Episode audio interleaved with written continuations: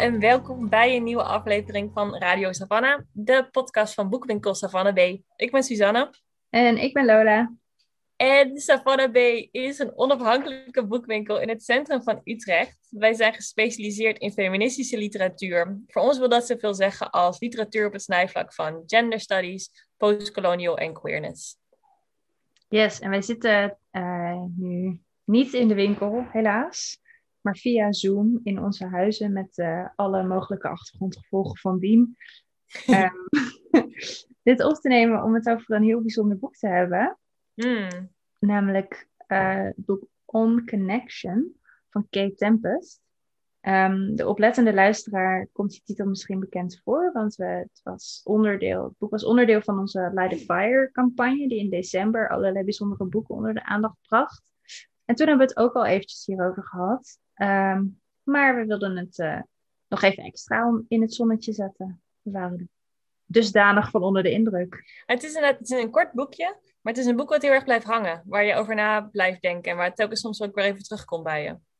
Ja, ja. Zeker. Ook, het gaat ook over uh, dingen met aandacht doen. Dus als je dit boek met aandacht leest, is het ook wel heel uh, toepasselijk. Ja. Dat het een beetje door blijft sudderen. Zeker.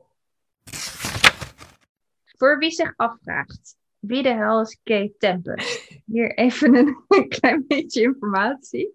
Kate Tempest is een uh, Britse spoken word artiest, dichter, performer, romanschrijver, toneelschrijver. Mhm. Al tien jaar enorm dik hard aan de bak en uh, super succesvol. Hun won onder andere voor hun werk de Tattoos Award, de Mercury Music Prize en um, Brit Award nominatie. Dat staat op hun naam. Dus allerlei, in allerlei verschillende genres uh, van de kunsten wordt hen enorm gewaardeerd. En in totaal zijn er van uh, Kees Hand vijf poëziebundels, drie toneelstukken en een roman verschenen. De roman heet The Bricks That Built the Houses. En nu is uh, On Connection is het eerste non-fictieboek waar we van uh, mogen genieten. Mm -hmm. Daar gaan we het over hebben. Ja, het is waanzinnig om te denken dat iemand in zoveel verschillende genres een creativiteit kwijt kan. Ja, ja en ook nog zo goed, zeg maar. Dit is niet even huistuin- en keuken uh, poëzie of uh, Elise op de piano of zo, maar... Nee, en dit non-fictieboek voelt ook niet als iemand die denkt van... Goh, zal ik eens kijken of ik dit kan? Nee. Dit is echt een, uh, een burst of energy, zeg maar, die via dit boek naar, naar voren komt. Je voelt ook wel heel erg die spoken word artist tot je spreken eigenlijk in dit boek. Ja, ik ben benieuwd of er ooit een audioboek komt. Oh ja, ik, ik denk dat dat heel vet zou zijn. Zeker. Want er zijn wel gedeelten in, de, in het boekje ook dat ik hun stem een soort van hoor. En um, schrijvers zeggen wel vaker van, oh eigenlijk moet je elke roman hardop voorlezen voor jezelf. En dan denk ik dat een beetje van, ja oké, okay. dingen ook niet moeilijker te maken dan ze zijn. Maar met dit boek denk ik wel, dat zou wel echt veel bijdragen. Je kan met dit boek ook het podium opgaan en het, het voordragen. Ja, ja. Het leest een beetje als een, uh, niet echt een manifesto, maar een pamflet of een... Uh... Het, ma het, maakt echt een punt. Ja, zeker. Ja. Dit boek gaat over uh, connecties, over connecties tussen mensen onderling, connectie die je met, je met jezelf kan hebben. Um, en de, de belangrijke rol die Kay zegt dat creativiteit hierin speelt. En dus, dus creatief maken, creatief lezen, creatief luisteren. En ja, hoe, hoe fundamenteel dat is voor het um, vinden van connectie. Ja. Ja, dus hij geeft helemaal in het begin, het soort van openingsstukje uh, van het boek, geeft een soort van definities. En dan zegt hij, creativiteit is eigenlijk telkens als we wat maken en tijdens dat maken een soort verwondering voelen. En dat we daar met aandacht mee omgaan, dat is creativiteit. En connectie is het moment waarop we helemaal opgaan in het moment zelf.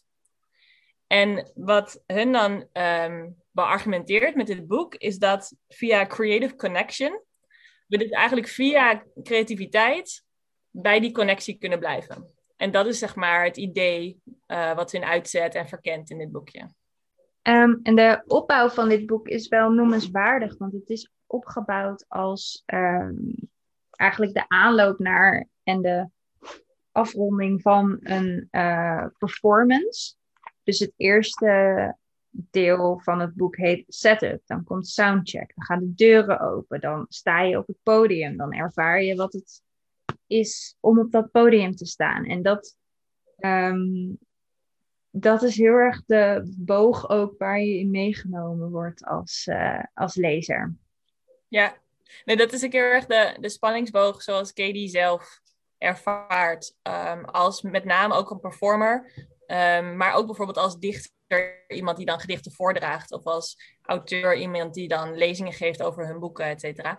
Daar proef je die persoonlijke noot ook in. Dat hun heel mooi abstract na kan denken, denken over de dingen, maar dat ook telkens weer vertaalt of laat inspireren door hun eigen ervaringen met wat creativiteit voor henzelf betekent. Ja, en dat het punt van connectie ook voor hun zit, onder andere in dat moment van op dat podium staan en dit band aangaan met de mensen die in het publiek zitten. Dat daar voor, voor deze specifieke schrijver en creatieveling de crux zit. Ja, en hij geeft dan ook wel duidelijk aan dat het niet voor iedereen hetzelfde. Dus voor hun als dichter is dat het moment, of als muzikant of als rapper is dat het moment.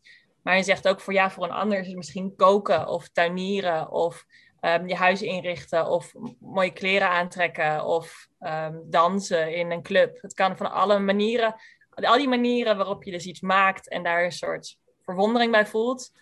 Dat is wat creativiteit is. Het hoeft niet per se um, poëzie te zijn of iets anders, soort van hoogstaand, waar je misschien helemaal niet die verbinding bij voelt. Ja, nee, precies. En wat heel knap is aan dit boek is dat het uh, dus heel erg vanuit een specifiek perspectief geschreven is. En daar is, is Kees zich ook echt heel erg van bewust. En echt op verschillende punten, zowel in de introductie als gedurende het boek heen, is hun heel expliciet over dit is mijn perspectief. En dat is gegrond in wie ik ben, hoe ik eruit zie, waar ik vandaan kom en wat mijn ervaringen zijn. Uh, en in de kern denk ik dat dat iets zegt over uh, wat connectie is en kan zijn en hoe je tot creatieve connectie kan komen. Maar het is niet een soort van dogmatisch of regelopleggend zelfhelpboek of zo. Van hoe kom ik creatief de winter door of, uh, of zoiets. Dat is echt helemaal niet wat het, wat het is en ook niet hoe het leest. Het geeft je meer een soort van handvatten waardoor je kan nadenken van, oh ja, hoe ervaar ik dat eigenlijk? Ja. En dan is misschien niet voor duizend of weet ik voor hoeveel mensen op een podium je poëzie voordragen, maar iets anders. Ja. Wat heel leuk is aan dat dit boek over, onder andere over performance gaat, is dat jij, Suzanne, Kay live hebt zien performen. Meerdere keren, geloof ik zelfs. Ja, een heel, een heel aantal keren. Er was... En ik heb dus helemaal nooit bedacht dat dit dezelfde persoon was als de auteur van dit boek. Totdat we een beetje onderzoek gingen doen over, voor de podcast en zo. En voor de Leiden Fire actie hiervoor. Um, ik had die connectie oh, helemaal niet gelegd. ik heb hem een paar keer zien optreden. Uh, volgens mij de eerste keer met een tournee van het album Everybody Down. Ik heb het even opgezocht, dat was 2014. Dus toen was ik zo uh, uh, mid twintig, zeg maar, als student in Amsterdam. Dat ik er een aantal keer heb gezien. En toen ook uh, bij verschillende festivals. En was toen heel actief. Ik, ik had idee dat toen heel vaak op festivals uh, aanwezig was. En uit dit boekje leer je ook een beetje van dat optreden voor hun ook heel lang een soort van coping mechanism is geweest. En echt een soort, niet een verslaving, maar iets wat eigenlijk misschien wel een te groot onderdeel van hun leven is geweest voor heel lang. Um, en ik was toen heel erg onder de indruk van hen. Dus ik vond het nu ook super leuk om weer terug te gaan naar het album en de verschillende uh, nummers die ik nog herkende en de verschillende stukken poëzie die ik nog mee kon praten was blijkbaar, was ik toen van heel erg van onder de indruk ook. En het is grappig om nu uh, vanuit dit volwassen perspectief weer terug te denken aan toen. Want wat ik me herinner van hun optreden is dat er. Uh, het was een heel bijzondere vibe. En dat was voor een groot deel omdat hun een heel lief. of kwam over als een heel lief, blond, engelenharig meisje op dat podium. die heel stoer een soort van techno-achtige rapmuziek maakte. En heel. Um, overtuigend was in hun voordracht. Dus heel erg het publiek ook meekreeg. Dat mensen, terwijl, zij, terwijl hun dus eigenlijk een soort poëzie aan het voordragen waren, dat mensen aan het dansen waren en aan het soort meezingen. Dat kan helemaal niet met poëzie.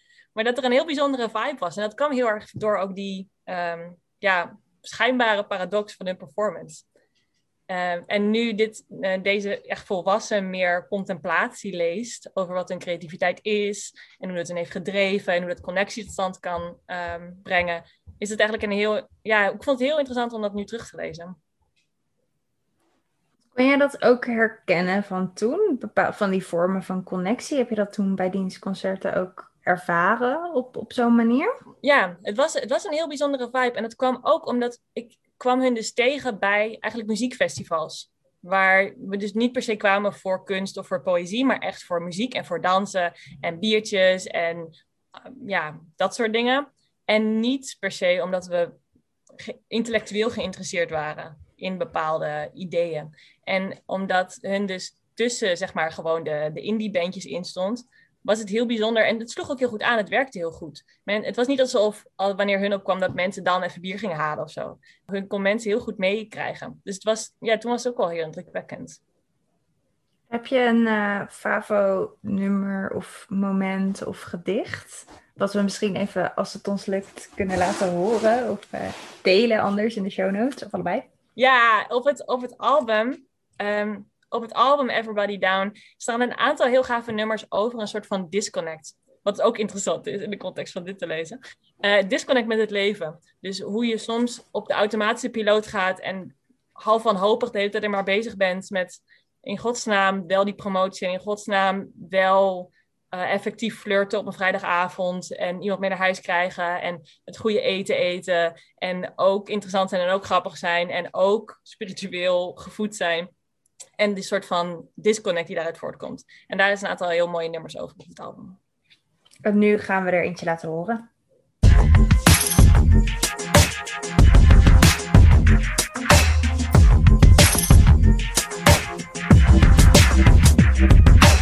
It's all relative, right? One thought, many thinkers, one flame, many cinders, one view, many windows. Love in a time without sacrifice. We want what we want, and what's more, we deserve it. We run around panicking, nervous, thinking, oh, could this be the one man? They're perfect. Couple years later, you're chained to the circuit, breaking them down as if you're determined to waste what you found. Well, what's true about you? Is it the things that you claim to be true, or is it deeper? Lurking in places that you don't dare to journey to, faced with a new way of seeing it? Are you the type to accept or the type to clench fists and reject? Whose truth even counts? Is it the person who doubts what a person proclaims they're about? Whose version is perfect? Is there a truth that exists outside of perception? This is the question. It's true if you believe it. The world is the world, but it's all how you see it. One lightning ripping through the air is another's passing glare. It's hardly there. It's true if you believe it. The world is the world, but it's all how you see it. One man's flash of lightning ripping through the air is another's passing glare. Hardly there. Dus Kay heeft het in dit boek dus over connectie en over hoe we ons onderling verbonden kunnen voelen met elkaar. En een belangrijk um, deel van onszelf, wat dat een beetje in de weg lijkt te zitten, is onze focus op identiteit en de manier waarop we met identiteit omgaan. En wat Kay heel mooi uitlegt aan het begin van dit boek, is dat we onszelf op een bepaalde manier begrijpen, onze identiteit opbouwen op een manier die eigenlijk heel sociaal is. Dus uh, die sociaal ook geaccepteerd moet worden. Dus als ik nadenk over wie ik ben, dan ben ik een vrouw, ik heb een bepaalde baan, ik woon in een bepaald huis met een bepaalde wijk, ik heb bepaalde gezinsconstructies, ik heb een bepaalde soort partner. En dat wordt door de samenleving erkend en dat is dan wie ik ben. En wat Kay eigenlijk zegt is, als we onszelf op die manier identificeren, of alleen maar op die manier identificeren, dan is al die bouwstenen van mijn identiteit worden dan eigenlijk momenten waarop we van elkaar kunnen verschillen. Want als ik in Utrecht woon en jij in Amsterdam, zijn we anders. Als ik een vrouw ben en jij een man, dan zijn we anders. Als ik links stem en jij stemt rechts, dan zijn we anders. Dus al die verschillende blokjes van sociale identiteit zijn eigenlijk een soort ja, wiggen tussen ons. Of zo beginnen ze te functioneren.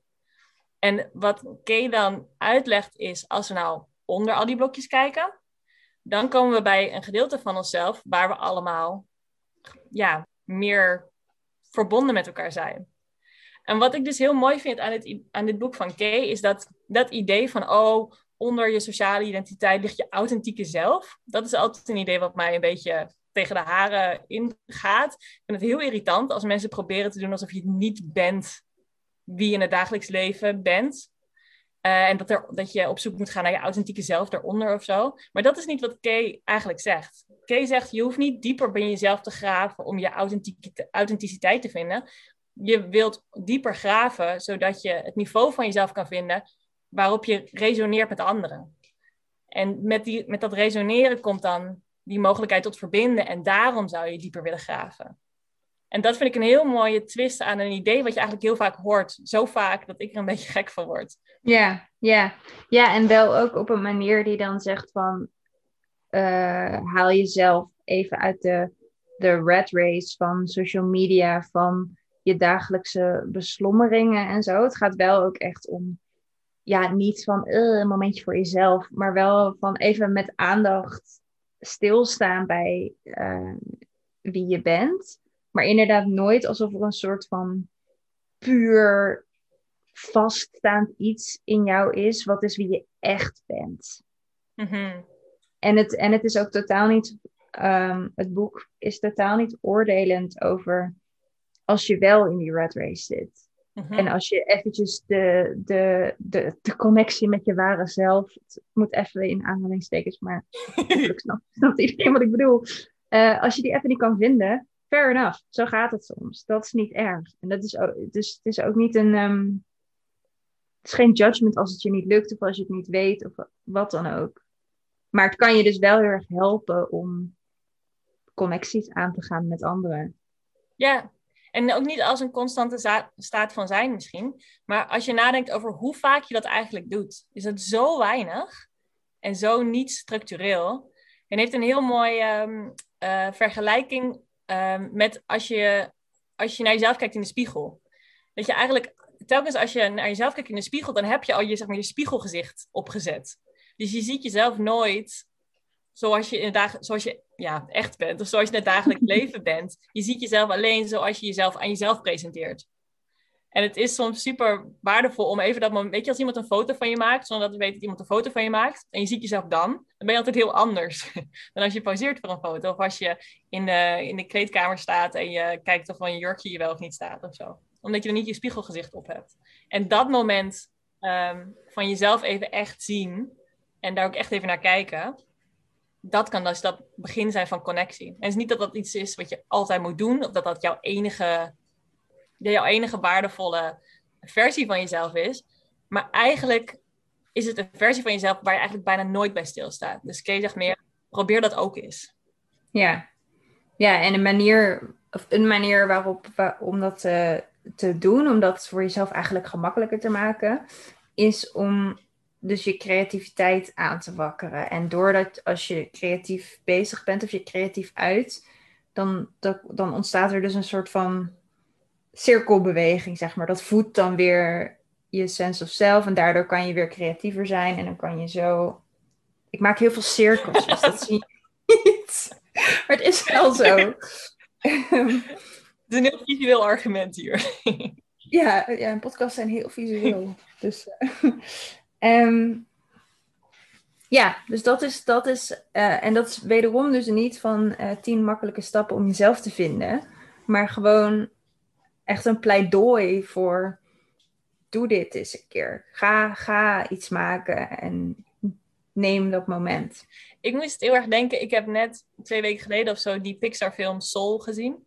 En dan gaat het over mensen die in de zone zijn. En dat sommige hmm. mensen hebben dat tijdens het voetballen, andere tijdens het koken, andere tijdens het dansen, andere tijdens het schilderen, andere tijdens het opruimen. Het kan van alles zijn. Maar dat moment dat je even van de wereld bent als je in de zone bent, dat ja, deed mij heel erg denken aan het argument dat ik hier maak. Ja, ja, absoluut. absoluut.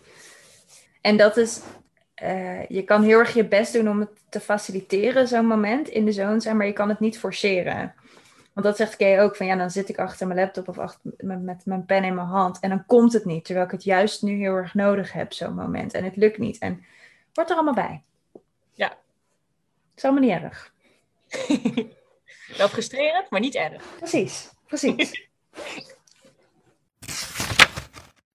Soms is het dus heel frustrerend dat je voor je laptop zit en dat komt niet. Maar het is natuurlijk ook een, kan ook een structureler probleem zijn. En dat is dus ook weer iets waar Kay heel eerlijk over is en heel expliciet heel vaak. ehm, het is natuurlijk ook een soort van privilege om jezelf daarvoor open te kunnen stellen. Want het vereist een room of one's own bijna. Het vereist tijd, het vereist aandacht. En het vereist dus ook dat je niet in een positie bent waarin je alleen maar na kan denken over of je huur wel kunt betalen, of er wel eten is, of je wel veilig bent, of je familie wel veilig is. En die ruimte moet je wel gewoon hebben.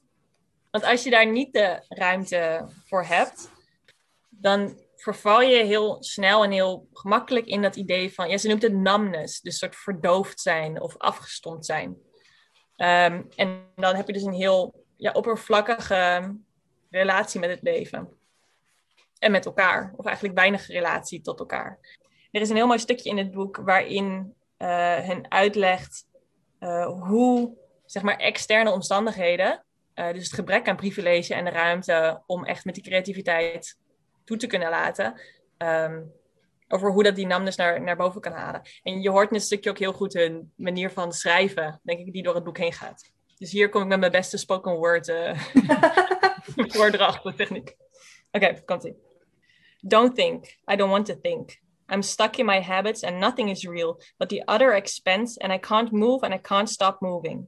They've pulled all my shifts. Now I can't make the rent. And I'm still waiting for the council to get back to my inquiries. And I'm getting by on help from my friends, but it won't last forever. I can't feel anything. I'm a good person. I spend time talking to heartbroken friends. I offer them all my best careful advice. I do what I can for my family. I'm always visiting. I don't make inappropriate jokes. The children all like me. I get on with animals. I remember to flirt with my husband. I buy my wife jewelry for Christmas. I can't feel anything.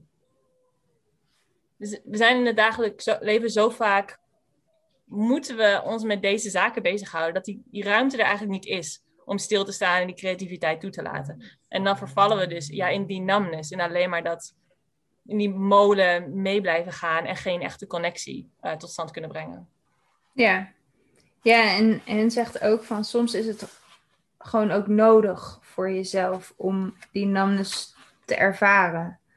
Uh, en deels is dat nodig om het systeem waarin we leven te kunnen uh, door laten lopen, maar ook voor jezelf, dat je er niet aan ten onder gaat. Maar dat is niet waar het uiteindelijk in, in zit, de, de connectie en de creativiteit en de, uh, het in de zone zijn, om het in die termen te gooien. Dus uiteindelijk is het niet, het, is, het is deel van, van jouw ervaring dat je die numbness af en toe hebt. En dat wordt gevormd door in hoeverre je uh, geprivilegeerd genoeg bent of het privilege hebt om die numbness überhaupt te ervaren. En dan moet je, op een gegeven moment moet je door. Ja. Als je wil dat de wereld er anders uit gaat zien en als je wil dat jij de wereld anders kan ervaren. Ja. En dan kom je dus bij uh, bij creativiteit, bij kunst, bij uh, dat moment vinden waarin je uh, ja, in de zone kunt zijn. Ja, ja Kay heeft het heel expliciet over dat, zeg maar, dat transformatieve moment als in begint met een voordracht. Ja. En iedereen opeens stil is en luistert en er opeens die connectie is binnen een hele zaal van heel verschillende mensen die in de een is dokter en de ander is schilder en de ander is kok. En op dat moment ben je allemaal verbonden door die poëzie. dat is voor hun heel duidelijk ook de ervaring die je heeft met het, het voordragen van, van poëzie en van werk. Ja, ja en het, het uh, zegt hier, telling poems levels the room. Hmm. Dus er komt een soort van gedeelde baseline of zo. En natuurlijk, de een moet plassen en de ander is uh, stiekem zich zorgen aan het maken over... Uh, weet ik veel, dat uh, het muizenprobleem wat ze hebben in huis. Maakt niet uit, maar uiteindelijk zit je wel met je aandacht ook allemaal even op, op dezelfde zender, zeg maar. Ja, hun heeft het op een gegeven moment ook over um, de, de kracht van resonantie. En uh, hun zegt, ja, elk voorwerp trilt op een bepaalde frequentie en jij ook. En als jij op een gegeven moment ja. um, iets voelt waarbij je mee kan trillen, dan, ja, dan ga je harder trillen. Dan komt die resonantie uh, op gang. En dat is die soort van, die ervaring van connectie waar we het over heeft. Ja.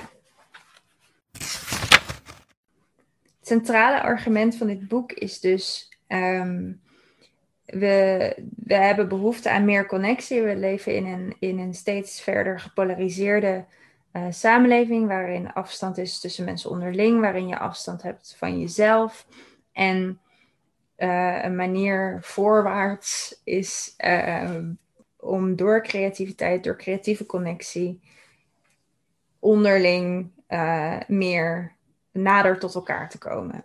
En wij hadden het voordat we deze aflevering gingen opnemen, er ook al even over dat dat ehm, makkelijker gezegd dan gedaan is. En ook, we zaten een beetje te dubben over, of te dubben, maar gewoon hardop na te denken over wanneer is dat een, een, een manier van omgaan met de wereld en een situatie waar je in vindt, waar je daadwerkelijk wat aan hebt en daadwerkelijk wat mee kan. Mhm. Zonder te vervallen in een soort. We zijn ook allemaal gecompliceerde mensen en dat moeten we ten alle tijden respecteren. Terwijl en oh ja, je moet elkaar leren begrijpen. Terwijl je dat soms gewoon niet wil. Of niet kan, of allebei. Ja, dus een van de dingen die Kay heel erg meegeeft is... Ehm, als je naar jezelf gaat kijken, dan zie je hoe ehm, gecompliceerd je bent. Hoe ehm, veel fouten je maakt. En ook waar die fouten vandaan komen. En wat de worstelingen zijn die je tot bepaalde die ervoor zorgen dat je soms even de kortste route neemt. Of soms niet ergens de tijd voor maakt. Of soms iets korter de bocht zegt. En bij jezelf zie je dat allemaal. En bij de mensen direct om je heen, waar je veel om geeft, zie je dat ook wel. Maar hoe verder mensen van je vandaan staan, hoe minder, je goed, dat, hoe minder goed je dat kan zien. En hoe minder ruimte je ook inbouwt voor die fouten van anderen. En het begrip voor die fouten. Of het begrip voor de, ja, de shortcuts en zo. En wat hun dus beargumenteert, is uh, dat we die connectie veel makkelijker kunnen vinden als we de ander zien, hun zegt, als de hoofdpersoon in hun leven en niet als de bijpersoon in jouw leven.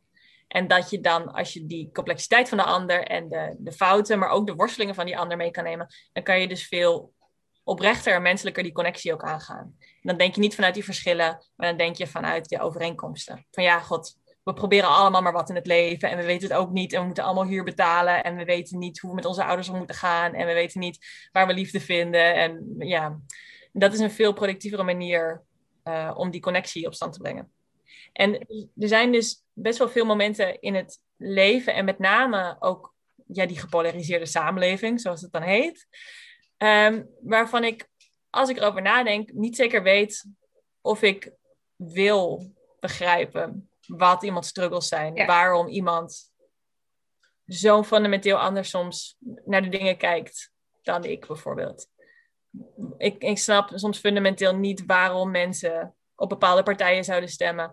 Waarom mensen denken dat het niet een groot probleem is als mensen van kleur worden vermoord door de politie. Waarom ehm, bepaalde uh, vrouwen het aan zichzelf te danken hebben als ze misbruikt worden. En er zijn bepaalde um, gesprekken waarvan ik denk, ik heb helemaal niet de behoefte om te begrijpen uit welke struggle dit idee van jou voortkomt. En daar loop ik inderdaad tegen, tegen een beetje barrière aan met, deze, met dit argument van Kate Tempest.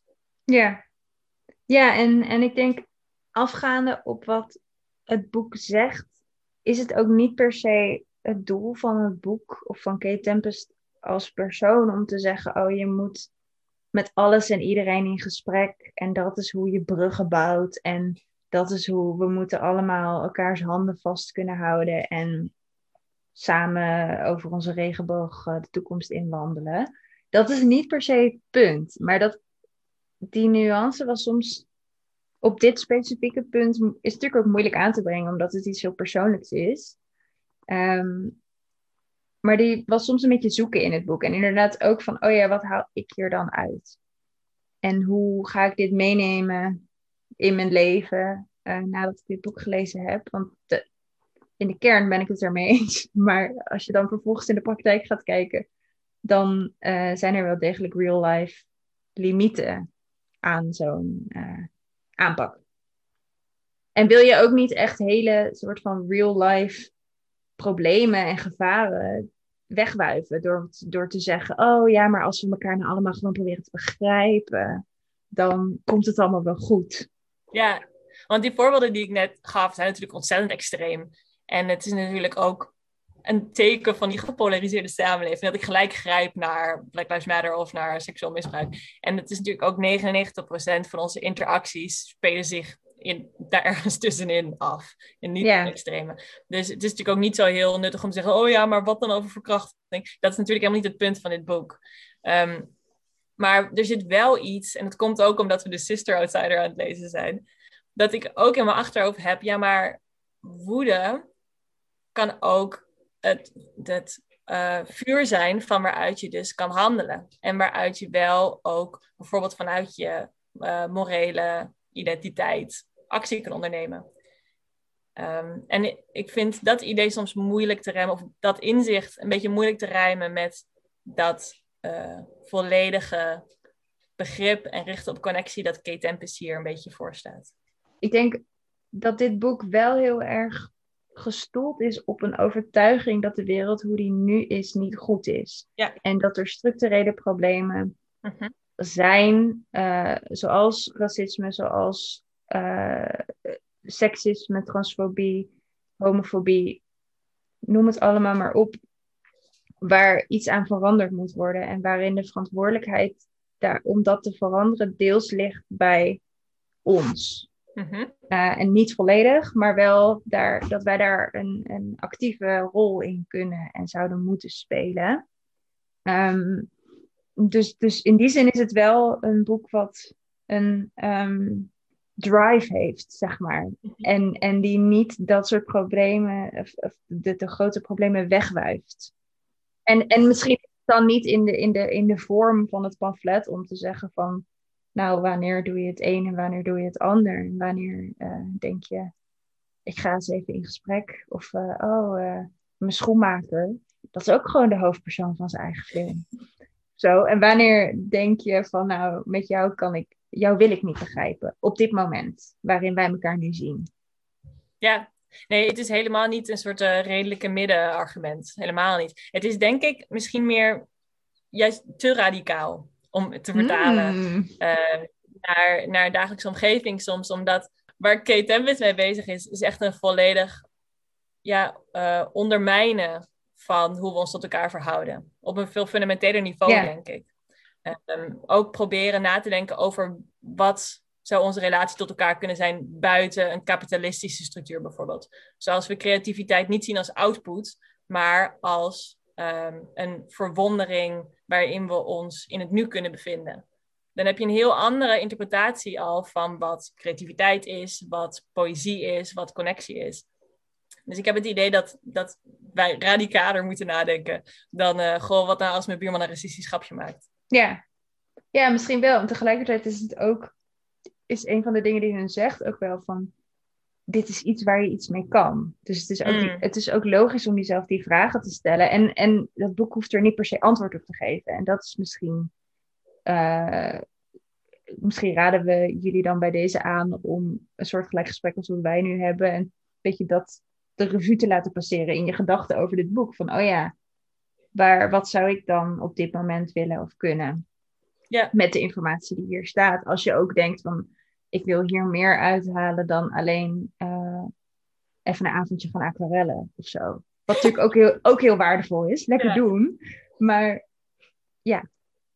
Ja, want er is wel iets in die, niet de belofte, maar het idee dat je door jezelf over te geven aan die creativiteit op een dieper niveau met elkaar in connectie kan staan, is een ontzettend aantrekkelijk idee. Mm ja. Ja, en ook eentje die ik wel heel graag wil geloven. Ja, dat is het ook. En dat ik nu misschien ook een beetje kort door de bocht ga van... Oké, hoe ga ik dat doen dan? Oké, ik ga luisteren naar de mensen. Maar het is misschien iets meer werk dan dat. ja, misschien wel. Een van de belangrijke punten die Kate Temps in dit boek ook maakt... is dat wij gewend zijn om creativiteit iets te zien als iets wat iets produceert... Dus ik ga inderdaad aquarellen of uh, dansen of koken of wat dan ook. En that's it. En een belangrijk punt wat, wat het boek dus maakt is zeggen, nou, dat is ook zo, hartstikke leuk, lekker door aquarellen. Maar waar ook creativiteit in zit en wat ook fundamenteel is voor het maken van zo'n creatieve connectie, is in dit geval dan bij de lezer. Dus hun zegt, een lezer dat kan iedereen zijn. Dat kan ook iemand zijn die naar mijn mooi geaquarelde bloemen uh, stil leven kijkt. Maar ook de lezer van dit boek. En diegene is uh, een fundamenteel onderdeel van het proces van creatieve connectie. En dus ook iemand die creatief bezig is met datgene wat, uh, wat diegene leest, Mhm. of ziet of ervaart.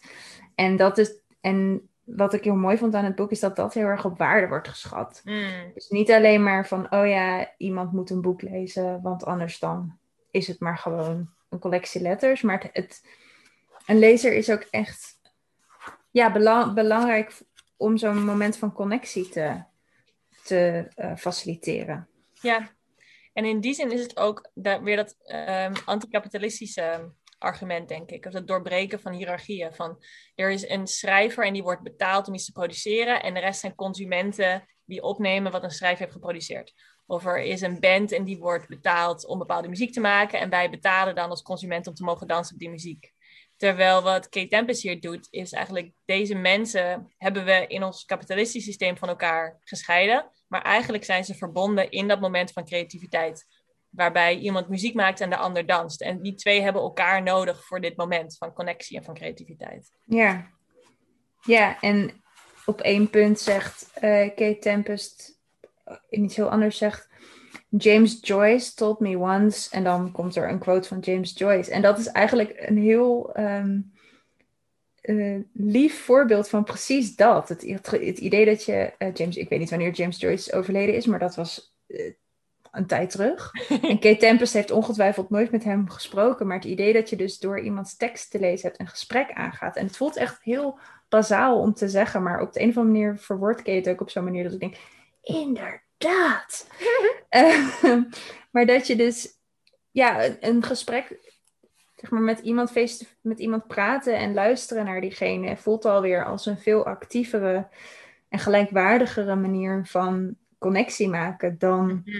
Ik lees een boek en ik neem de woorden tot me. Ja. En wat dan dus belangrijk is als lezer, is jij bent een actief onderdeel van het proces. Dat is top. En dat betekent ook dat er aan jouw kant een bepaalde aandacht moet zijn voor de tekst. Om, om die connectie te faciliteren. Want je kan natuurlijk, als je iets scannend leest, prima, maar dan, dan, is, dan kan die connectie niet bestaan. Dus het, het vereist niet alleen überhaupt een lezer, maar ook een lezer die met aandacht bezig is. En dan zegt Kate Tempest daarover van, stel je vindt, je vindt een, een, een boek of een tekst of wat dan ook en dat spreekt gewoon helemaal tot jou. En dat is, dat is zo'n gevoel van je loopt ergens langs en precies het liedje wat jouw staat van zijn eh, beschrijft, hoor je dan. En dan denk je, oh, dit is, dit is voor mij gemaakt. Of het gevoel dat je bij een concert bent en dat dan dat je denkt van, oh, die, diegene op dat podium die, die zingt alleen voor mij. Eh, dat gevoel. En Kate Tempest zegt dan dat wij allemaal de neiging hebben om te denken, oh, maar dat komt doordat het een heel goed concert was. Mm. Of een heel mooi nummer is. En dus hun zegt, you may forget the exact words van de tekst, of wat dan ook, waar, je tegenaan bent gelopen. But you carry a relationship with the text through your life. You may think this was entirely because of the quality of the text, but it was also the quality of your reading. Dus je hebt beide nodig en een goede, grijpende tekst, of liedje, of whatever. Maar ook jou, jij als lezer van die tekst. En ja, hoe goed je dat doet eigenlijk, of met hoeveel aandacht je dat doet, is, is noodzakelijk voor ja, dat circuit van creatieve connectie. Ja, En ik denk, als lezer van een boek is dat gewoon ook heel leuk om te lezen. Op een, op een wat basaler niveau. ja, Ik geloof er ook wel echt in, maar het is ook gewoon best wel leuk om te lezen van, oh ja, dit, ik doe er toe. En je bent niet alleen maar iemand die uiteindelijk eh, wiens koop van een boek uiteindelijk leidt tot royalties of een dikke auto of wat dan ook. ja, inderdaad. Ik ben niet alleen een consument, ik ben ook deel van het creatieve proces. Ja, ja. Dit boek verscheen in eh 2020. Het boek is ook geschreven in 2020. En dit was een van de eerste boeken die ik las. En dat komt deels weer dat ik het zelf heb vermeden uh, gedurende het jaar. Wat dus ook echt deels over corona gaat. En over hoe vind je connectie in een pandemie. En hoe het idee van zo'n dichter op een podium en iemand die zo leeft voor connectie in real life. En dan wetende dat die podia er niet zijn geweest afgelopen jaar. Dat was heel schrijnend, maar ook wel fijn op een gekke manier. Mhm. Dat soms je, is je kop in het zand steken over zoiets groots. Niet altijd the way to go. En was het ook een. Uh, is het ook troostrijk. Eigenlijk een beetje vergelijkbaar met het gesprek wat we hadden over zomer van Ellie Smith. Maanden geleden is het ook heel fijn dat iemand met zoveel kunde en schrijftalent en literair talent nadenkt over deze tijd waar we in zitten en uh, wat voor effecten dat heeft. Ja. ja, en de nuances daarvan ook mooi neer kan zetten. Over wat er allemaal kut is en wat er nog steeds mogelijk is. Ja. In mooiere woorden dan dit. ja, en hoe het anders kan en is. En dan is met een, een nostalgie naar het, naar het uh, live moment. Ja, als je misschien bang bent naar aanleiding hiervan, dat je denkt van, maar iedereen heeft het over connectie en verbinding en dat dat nu allemaal moeilijk is omdat alles digitaal moet. Daar gaat het boek ook op in. Dus het is niet, het gaat dat gesprek ook niet uit de weg van het is nu anders en misschien is de term connectie wel uitgehold en verbinding door, door het jaar wat we, wat we gehad hebben. Ehm, dus het, het kan je echt misschien ook helpen om als je, als je uh, benieuwd bent van hoe kan ik weer vormgeven aan, aan zo'n woord, wat eigenlijk gewoon wel heel belangrijk is, maar wat nu zo'n andere betekenis heeft gegeven, dan is dit misschien een mooi opstapje. Ja, je zegt op een gegeven moment ook zoiets van, ik wilde schrijven over connectie, maar toen was het opeens 2020 en toen was het woord connectie opeens zo'n libellenwoord geworden, wat helemaal niks meer betekent. Terwijl ik wil het echt op een fundamenteel niveau hierover hebben. En dat is ook wat hun hierin doet. Maar het is dus inderdaad Ehm, ja, het gevaar ligt dus op de loer. Dat uh, uh, mensen een, een, ander soort connectie op zoek zijn dan die K-Tempus uh, ons aan wil kijken. ja. Om de aflevering af te sluiten wil ik graag nog een klein stukje voorlezen um, uit het boek. Ook weer om even de, de toon van het boek um, over te brengen. Want zoals wij erover kletsen, is het wel echt een stijlbreuk met hoe je dit boek ook een beetje leest. Echt als een spoken word poet. Dus hier is um, een fragment uit het laatste hoofdstuk uit het boek. Precision, focus, dedication to a craft, to a practice that reaches for more than an expression of individuality. Reaching beyond the self is the self is the self is the look at myself. Have you seen how unlike all other selves myself is? More. Stand in a crowd and hear music. Sit in a chair and watch a body cross a space. Feel shaken to the core by something unknown that lives in the depths of all transaction based on love. The passionate declaration of, I have seen, I have heard, I have felt. And it's for you that I am moved to speak, to sing, to dance here this way. I want to express more than myself. I want to express something about us. And for a moment, the numbness is wrenched away from you because they're singing my life up there. That's my despair. My hope is in those drums and I exist as more than an agent of my own individualism, an avatar competing.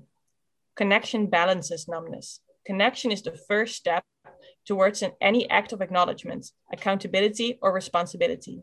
It offers, whether fleeting or long lasting, a closeness to all others. It is jubilant, ecstatic, without fear. Dit is echt mooi geschreven. ja, hiermee zijn we aan het einde gekomen van deze aflevering van Radio Savannah. We hopen dat jullie het heel erg leuk vonden. Zo ja, dan uh, horen wij dat natuurlijk graag. Jullie, wij zijn te bereiken op alle social media, de B. En als je dan de hashtag Radio Savannah gebruikt, dan vinden wij uh, alles wat je over ons zegt uh, supersnel.